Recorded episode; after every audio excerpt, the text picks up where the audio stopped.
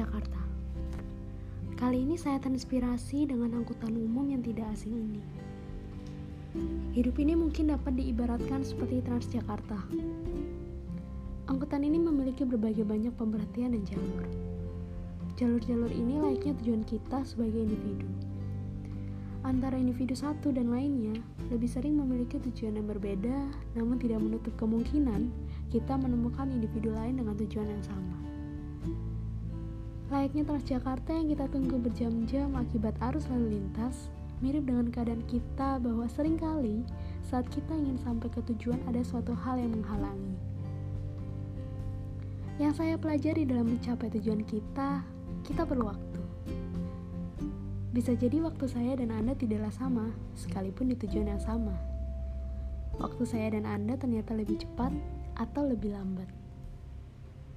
Anggaplah tujuan ini adalah cita-cita saya. Atas pencapaian saya tidak dapat dibandingkan dengan pencapaian individu lain. Saya dan Anda memiliki kesulitan berbeda dalam menaiki Transjakarta yang sama. Dan pastinya kesulitan yang berbeda dalam menaiki Transjakarta yang berbeda. Bagi saya, individu lain tidak berhak menjustifikasi pencapaian atas individu lainnya. Namun, sering kali kita menjumpai individu terdekat kita membandingkan kita dengan individu lain. Barangkali mereka merasa bahwa itu sebuah motivasi untuk kita. Sejujurnya, itu tidak lebih dari sebuah kalimat klise yang tidak ada unsur motivasinya sama sekali. Dari Transjakarta ini, saya dapat ambil satu kesimpulan.